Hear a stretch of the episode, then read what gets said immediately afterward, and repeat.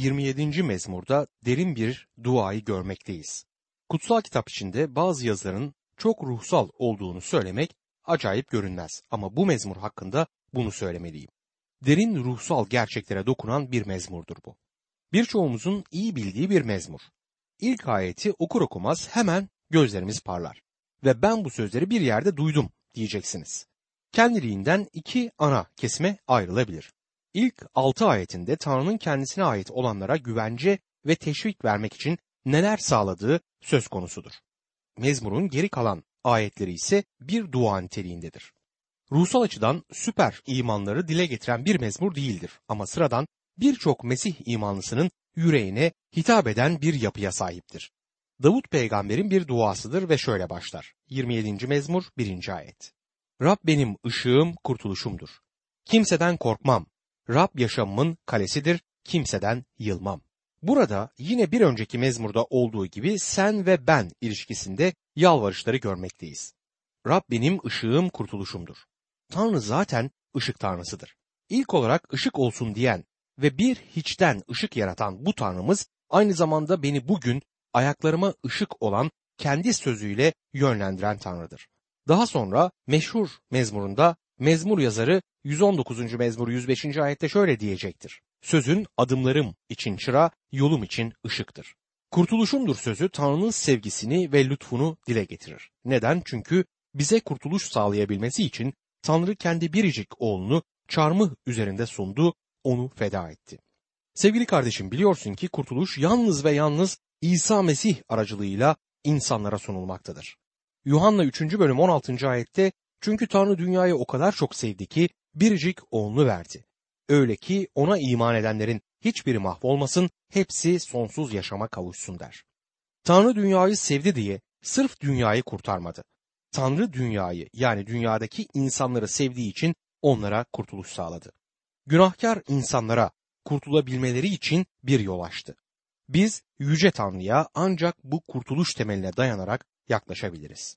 Tanrı'nın sağladığı kurtuluş herkesi otomatik olarak kurtarmaz. Ancak İsa Mesih'te sağlanan kurtuluş yoluyla Mesih'e iman etmemizi bekler. Elçilerin İşleri 4. bölüm 12. ayette başka hiç kimsede kurtuluş yoktur.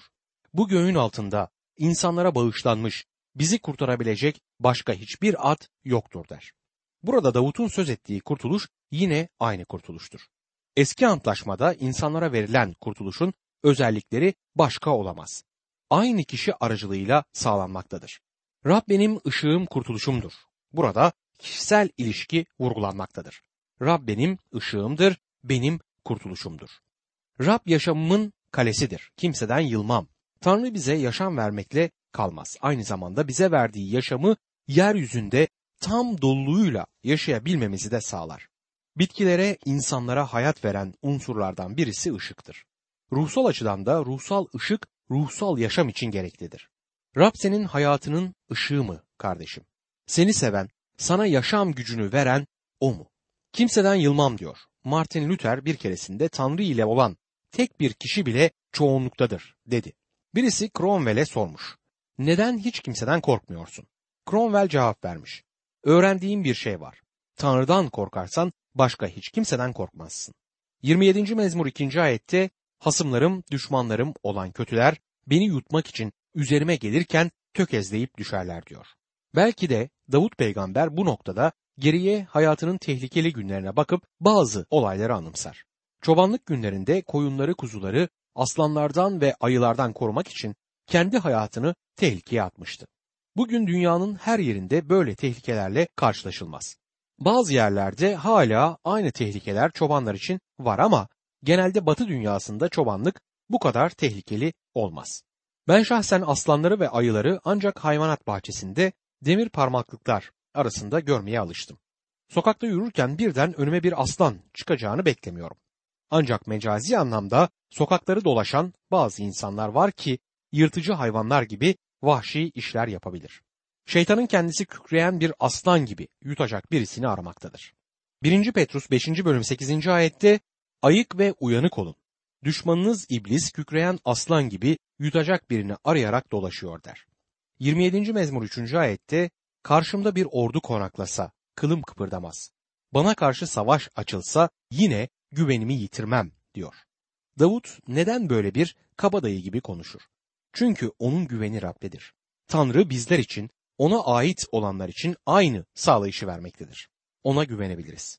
Karşımızda kim olursa olsun bizim yanımızdaki en güçlü kişidir. Rab benimle ise ben kimden korkarım ki? Kutsal kitabı okurken belki fark ettiniz. Rab İsa ölümden dirildikten sonra kendi öğrencilerine defalarca göründü. Onlara konuştu ama konuşmaya başlamadan önce genelde korkma sözünü kullandı. Sen de Rab İsa'ya iman etmişsen kardeşim, senin ve benim diri Rabbimiz, diri kurtarıcımız var. Kutsal kitapta yılın her günü için bir korkma teşvik sözü bulunur. Herkes gibi benim de doğal korkularım var. Yükseklere çıkmaktan korkarım, uçağa binmekten korkarım, iğneden korkarım. Bir aşı olmam gerekse siz gelin bana sorun. Bu korkularımı kendi başıma yenemediğimi bildiğim için Rab'be dua ederim. Rab sen benimle birliktesin, sana güveniyorum derim. Tabii ki başkaları için de dua vardır. 27. mezmur 4. ayette Rab'den tek dileğim, tek isteğim şu.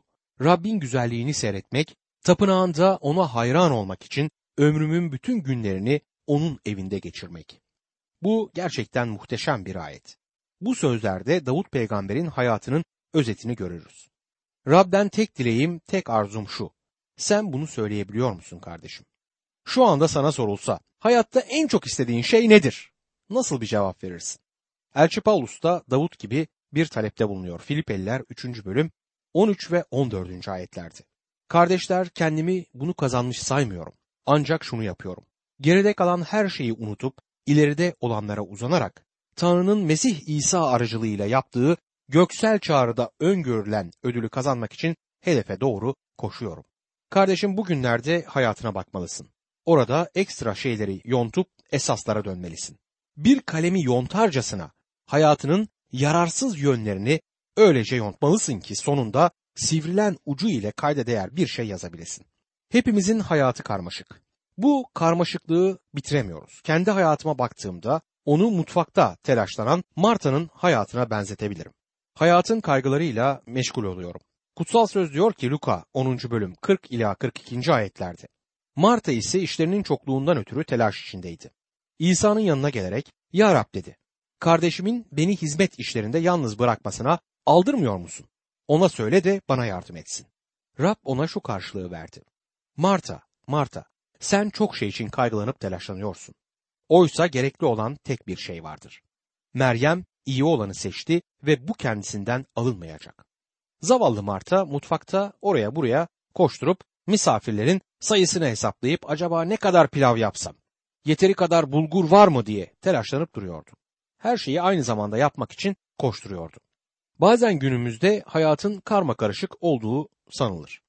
20. yüzyılın illeti olarak bu telaşı görürüz ama Marta'nın zamanında da vardı. İnsanlar olarak biz kendi kendimizi telaşa sokarız. Zamanın kendi yapısında telaş yoktur. Zamanı biz kendimize işkence haline getiriyoruz. Şunu şu zamanda yapmazsam kıyamet kopacakmış sanki. Davut yaşamın tüm ekstra olaylarını kesip atıyor ve tek bir noktada sivriliyor. Rab'den tek dileğim, tek arzum şu diyor. Değerli ilahiyatçı, yorumcu Doktor Vernon Megi diyor ki, yaşamımın en mutlu yılları kilisede çobanlık yıllarım sona erdiği zaman başladı. Hayatımın ruhsal açıdan en verimli dönemi o zaman başladı. Bu kısa zaman içerisinde daha önceki hizmet yıllarıma nispeten daha çok fazla insanın Rab İsa Mesih'i kurtarıcısı olarak kabul ettiğini gördüm. Neden biliyor musunuz? Çünkü çobanlıktan emekli olduğum gün hayatımın ekstralarını yontmaya başladım. Rabbin önünde sivrildim ve tek bir amaç edindim. Rabbin sözünü insanlara öğretmek. Şimdi yaptığım tek şey budur. Tüm hayatım yontularak tek bu amaçla sivrildi. Ben şahsen inanıyorum ki Rab benim bugün bunu yapmamı istiyor. Mezmur yazarının dediği tek şey nedir? İnsandan insana değişir ama bu yine de ortak yönü tek olan şeydir. Rabbin güzelliğini seyretmek. Tapınağında ona danışmak için bütün günlerimi onun evinde geçirmek. Şimdi yanlış anlamanızı istemem. Davut bunu yazarken uyku tulumunu alıp da Rabbin tapınağına yerleşeceğini söylemez. Onun isteği Rab ile sürekli buluşmak, onunla konuşmak ve ona tapınmaktı. Rabbin sandığı Rabbin insanlarla buluştuğu yerdi. Çünkü bu sandık buluşma çadırının en kutsal yerindeydi. Davut peygamber düşmanlarının elinden aldığı sandığı tekrar Yaruşilim'e getirmişti. Onun için özel bir çadır yapmış ve tapınak kuruluncaya kadar Rabbin sandığı orada kalmıştı. Davut her zaman Rab ile birlikte olmak istiyordu. Onunla ancak buluşma çadırında buluşabileceğine göre hayatının amacı bu olmuştu. Rabbin sandığını Siyon Dağı'na getirip orada ilk olarak geçici bir çadır, sonra da muhteşem tapınağı kurup hayatı boyunca Rab ile buluşmak amacıydı. Bizim de Rab'be yaklaşacağımız bir yerimiz var bugün. Bundan dolayı sevinçle dolmalıyız. Bizim hayatımızdaki ekstraları yontup tek bir amaçta, tek bir noktada sivrilebilmemiz için bize yardımcı olacak birisi var. İsa Mesih aracılığıyla bugün Rabbin huzuruna girebiliriz. Onun kanı sayesinde kutsalların kutsalına gelebiliriz. Onunla buluşabiliriz. Elçi Paulus Romalılara yazdığı mektubunda Mesih aracılığıyla doğru sayılmanın, aklanmanın beraberinde getirdiği 8 tane yarardan söz eder. Bakın Romalılar 5. bölüm 1 ila 5. ayetler arasında ne yazar? Böylece imanla aklandığımıza göre Rabbimiz İsa Mesih sayesinde Tanrı ile barışmış oluyoruz. İçinde bulunduğumuz bu lütfa Mesih aracılığıyla imanla kavuştuk ve Tanrı'nın yüceliğine erişmek umuduyla övünüyoruz. Yalnız bununla değil, sıkıntılarla da övünüyoruz. Çünkü biliyoruz ki sıkıntı dayanma gücünü, dayanma gücü Tanrı'nın beğenisini, Tanrı'nın beğenisi de umudu yaratır. Umut düş kırıklığına uğratmaz. Çünkü bize verilen kutsal ruh aracılığıyla Tanrı'nın sevgisi yüreklerimize dökülmüştür. Davut'un hayatında istediği tek şey neydi? Rabbin güzelliğini seyretmek. Tapınağında ona danışmak için bütün günlerimi onun evinde geçirmek diyor. Rabbin evinde kutsalların kutsalında merhamet kürsüsü vardı. Davut'un merhamete ihtiyacı olduğu açık. Eminim ki senin de benim de Tanrı'nın merhametine ihtiyacımız var. Aynı zamanda Tanrı'nın evinde Mesih'in kanını, onun çarmıhını dile getiren bir sunak vardı. Tanrı'nın huzuruna girebilmesi için Davut kurban kesmeliydi. Bizim ise kurbanımız İsa Mesih'tir. Sonsuza dek geçerli kurbanı o kendi hayatını vererek sundu. Sen ve ben kardeşim bugün Tanrı'nın huzuruna ancak İsa Mesih aracılığıyla girebiliriz. Eski antlaşma döneminde de kurbanlar İsa Mesih'e işaret etmekteydi. Ayrıcalıklı insanlarız ve ayrıcalıklı bir dönemde lütuf döneminde yaşamaktayız. Size tavsiyem kardeşim bu mezmuru Rab'le yalnız olduğunuz zamanlarda sık sık okumanızdır. Bereket alacağınızdan eminim. Şimdi bakın 5. ayette ne diyor? Çünkü o kötü günde beni çardağında gizleyecek, çadırının emin yerinde saklayacak. Yüksek bir kaya üzerine çıkaracak beni. Buluşma çadırında gizli ve çok kutsal bir yer vardı. Buna kutsalların kutsalı diyor Tanrı sözü. Bu yere başkahinden başka hiç kimse giremezdi ve bunu da ancak yılda bir kez yapabilirdi. Bu en kutsal yerde Tanrı'nın sandığı bulunuyordu ve bu sandık içi dışı altınla kaplanmış bir sandıktı. Sandığın kapağını oluşturan üst kısımda ise çok süslü bir yer vardı. Buna merhamet kürsüsü denirdi. Yılda bir kez kesilen kurbanın kanı bu kürsü üzerine serpilirdi. Kurban tüm İsrail halkının günahlarının örtülmesi için kullanılırdı. Şimdi bizim günümüzde ise Rab İsa bizim için kurban olduğuna ve kanını akıttığına göre bizim de gidebileceğimiz bir merhamet kürsüsü bulunuyor. Eski antlaşma döneminde yılda bir kez Tanrı'nın huzuruna girilirken şimdi Mesih'in kanı aracılığıyla her an onun huzuruna girebiliriz. İşte çadırının emin yeri burasıdır. Bundan daha emin bir yer düşünemeyiz. 27. mezmur 6. ayette o zaman çevremi saran düşmanlarıma karşı başım yukarı kalkacak. Sevinçle haykırarak kurbanlar sunacağım onun çadırında. Onu ezgilerle, ilahilerle öveceğim diyor. Bu muhteşem resmi gördüğümüz zaman Rabbim bizler için tam olarak ne yaptığını gerçekten anladığımızda içimizde şükran borcu yükselir ve Rabbe ilahiler söylemek, onu yüceltmek isteriz. Davut da bunu düşünerek dua etti. 27. mezmur 7. ayette sana yakarıyorum ya Rab kulak ver sesime lütfet yanıtla beni diyor. Bakın o gizli yerde o emin yerde Rabbin merhametini buluruz. Bugün de Rab o gizli yeri bizler için hazırladı. Bugün biz de gizli yere dualarımızla girip onun merhametine sığınabiliriz. 27. mezmur 8. ayette Ya Rab içimden bir ses duydum. Yüzümü ara dedin. İşte yüzünü arıyorum diyor. İçinden duyduğu ses Rabbin sesiydi. Rab ona yüzümü ara dediği zaman Davut hemen yanıt veriyor. Evet arıyorum Rab. İşte senin yüzünü dualarımla arıyorum. Değerli kardeşim Rab senden bir şey bekliyor. Onu aramanı ama sen onu aramaya başlamadan önce o seni aramaya koyulmuştur. Kaybolan bir kuzucuk gibi seni aramaktadır. Seni bulduğu zaman omuzlarına alır ve ahılına getirir. Ona iman etmiş birisi olarak Rab senden bir şey bekler. Onu aramanı. Onun yüzünü aramanı. O seni buldu ama senin onun yüzünü aramanı ister. Sen buna tepki gösteriyor musun? Mesih ile yaşamak evlilik hayatına benzer. Bir sevgi ilişkisinde yaşanması gerekir. Evlilikte kadın erkeğin ihtiyaçlarını sağlayacak, erkek de kadına bakacak diye bir antlaşma yapılmaz. Hayır, evlilik bağı sevgi ve özveri bağıdır. Rab ile olan ilişkimiz sevgi bağları üzerine kurulduğuna göre sevdiğimiz için onu özlemle aramalıyız. Rab Davut'a seni seviyorum dediği zaman Davut'un yüreğinde doğal olarak bir tepki gelişti. Ben de seni seviyorum Rab. Senin yüzünü aramak istiyorum tepkisiydi bu. Tanrı ona benimle beraberliğin olsun diyor. Davut diyor ki evet Rab ben seninle paydaşlıkta bulunmaya hazırım. 27. mezmur 9. ayette yüzünü benden gizleme, kulunu öfkeyle geri çevirme, bana hep yardımcı oldun. Bırakma, terk etme beni. Ey beni kurtaran Tanrı diyor. Davut ne konuştuğunu biliyor. Bir kez günah işlemişti ve Rab yüzünü ondan gizledi. Bu tecrübeyi bir daha yaşamak istemez. Tanrı ile olan bağlantısı bozulmuş, paydaşlığı gitmişti. Bunları tekrar yitirmek istemiyordu. Günah işlediğinde sevincini yitirmişti. Onu yine yitirmekten korkuyordu. Bırakma, terk etme beni. Ey kurtuluşumun Tanrısı diye yalvarır. 27. mezmur 10. ayette annemle babam beni terk etseler bile Rab beni kabul eder diyor. Annem ve babam beni terk etmiş olsalar bile Rab beni terk etmez, kabul eder. Annemiz, babamız bizi de terk etmemiş olabilir. Ama bazı kişiler anne ve babaları tarafından terk edilmiş durumdadırlar. Sizin anneniz ve babanız sizi terk etseler bile Rab sizi terk etmeyecektir. Bir dostum diyor ki ben Mesih'e iman ettiğimde anneme söyledim ve beni evden kovdu. Bir daha buraya gelme yüzünü görmek istemiyorum dedi. Dört yıl beni görmek istemedi ama sonunda razı oldu.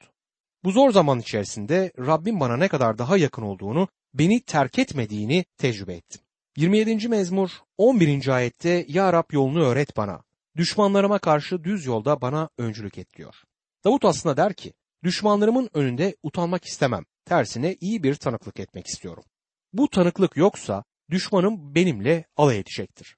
Lütfen beni gözde ey Rabbim ve düşmanlarımın önünde senin ismine utanç getirebilecek bir şey yapmama izin verme. 27. mezmur 12. ayette beni hasımlarımın keyfine bırakma. Çünkü yalancı tanıklar dikiliyor karşıma, ağızları şiddet saçıyor diyor. Davut'un yaşamı oldukça çileli geçti diyebiliriz. Bu nedenle Rab'den yardım ister. Çilelerine çile eklemesini istemiyor. Böyle bir ortamda Davut Rabbi yardıma çağırmaktan başka bir şey yapmaz. Her insan çilesine bu şekilde tepki göstermiyor. Davut'un mezmurunda hiçbir zaman kaderciliğe yer yoktur. Rab'be güvenirken kime güvendiğini iyi biliyor. Kaderci güvenini belirsiz bir şeye yani kadere bağlar. Davut beni hasımlarımın eline düşürme diye dua ederken yardım alacağını biliyordu bundan emindi. Şimdi ise 27. mezmur 13. ayetten itibaren duanın gerçekleşmesine geliyoruz. 13. ayette yaşam diyarında Rabbin iyiliğini göreceğimden kuşkum yok diyor. Bence yaşam ülkesi Rabbin huzurudur. Onun bulunduğu yerdir. Kendisi yaşam olduğuna göre yaşam ülkesi de onun yeridir. Bugün dünyada bile Rabbin iyiliğini görebilirsiniz. O harikadır. 27. mezmur 14. ayette umudunu Rabbe bağla, güçlü ve yürekli ol, umudunu Rabbe bağla diyor. İmanlar arasında bir sıkıntı var bugünlerde. Buna yufka yüreklilik demek isterim. Hepimizde bu hastalığın az da olsa bir belirtisi var. Davut bize öğüt veriyor. Güçlü ol ve yürekli ol. Kendimizi Rab'de yüreklendirdiğimiz zaman onun gücünden alırız. 28. mezmur kötü günde Rabbe sesleniş mezmurudur. Bu kısa mezmurda bir sesleniş var. Davut'un başı beladadır ve Rabbe seslenir. Aynı zamanda hem İsrail'in gelecek günlerdeki belaları dile getirilir hem de Rabbe ait olan herhangi bir kişinin durumu 28. mezmurda aktarılır. Bu bir yardım çağrısıdır. Çaresizlik iniltisidir, umut yalvarışıdır. Rabbin kurtarışının geleceğinden emindir ve bunun için Rabbe şükreder. Ama aynı zamanda düşmanlarının yok edilmesi için de dua eder. Bir sonraki mezmura baktığımızda görmekteyiz ki bu mezmur bir sonrakine giriştir. 28. mezmur 1. ayet şöyle der. Ya Rab sana yakarıyorum. Kayam benim. Kulak tıkama sesime. Çünkü sen sessiz kalırsan ölüm çukuruna inen ölülere dönerim ben. İsrail halkı kayanın kim olduğunu biliyordu. İsrail bu kayayı reddettiği zaman Musa yas tuttu. Ünlü ezgisinde o kayadır, işleri kusursuzdur, bütün yolları doğrudur. O haksızlık etmeyen güvenilir tanrıdır, doğru ve adildir diyerek Rabbi över Musa. Kaya tehlikeli bölgede üzerinde güvenceyle durabileceğimiz sabit bir zemindir. Sağlam bir temel oluşturur. Elçi Paulus 1. Korintiler 3. bölüm 11. ayette şöyle yazar. Çünkü hiç kimse atılan temelden yani İsa Mesih'ten başka bir temel atamaz. 28. mezmur 2. ayet ise seni yardıma çağırdığımda, ellerimi kutsal konutuna doğru açtığımda kulak ver yalvarışıma der. Davut peygamber yalvarışını nerede yapıyor? İbranice sözcüklere bakarsak bunu simgesel açıdan merhamet kürsüsü önünde dile getirmektedir. O günlerde merhamet kürsüsü buluşma çadırının en kutsal bölümündeydi. Rab'den merhamet almak için ona sıkıca sarılmak gerekmekteydi. Bugün bizim merhamet kürsümüz Rab İsa Mesih'tir. Bugün ona sarılabiliriz. 28. mezmur 6. ayette ise Rabbe övgüler olsun. Çünkü yalvarışımı duydu der. Biliyor musunuz Rab bugün de dualarımızı duymaktadır ve yanıtlamaktadır. Yalnızca Davut'un duası geçerli değil. Mesih İsa'ya ait olan her Tanrı çocuğunun duaları baba tarafından duyulur ve yanıtlanır.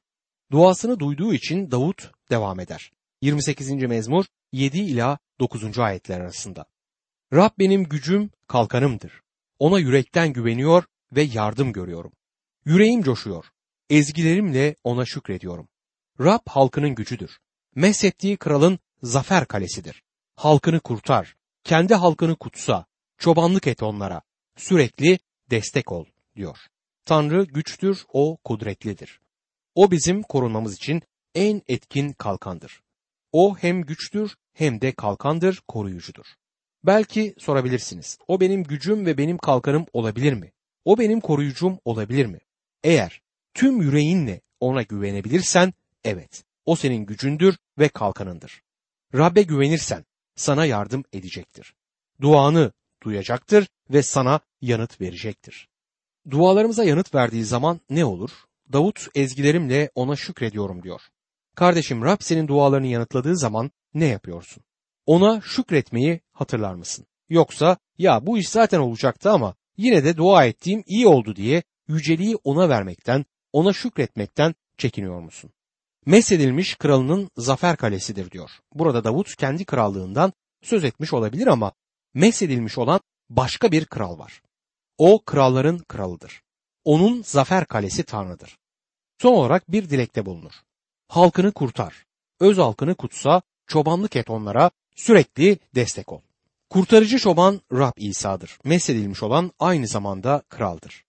Davut çoban kral olarak bilinir ama İsa Mesih'te hem ruhsal çobanımız hem de kralımızdır. Yaşaya peygamber onun hakkında Yaşaya 40. bölüm 11. ayette şöyle yazar. Sürüsünü çoban gibi güdecek.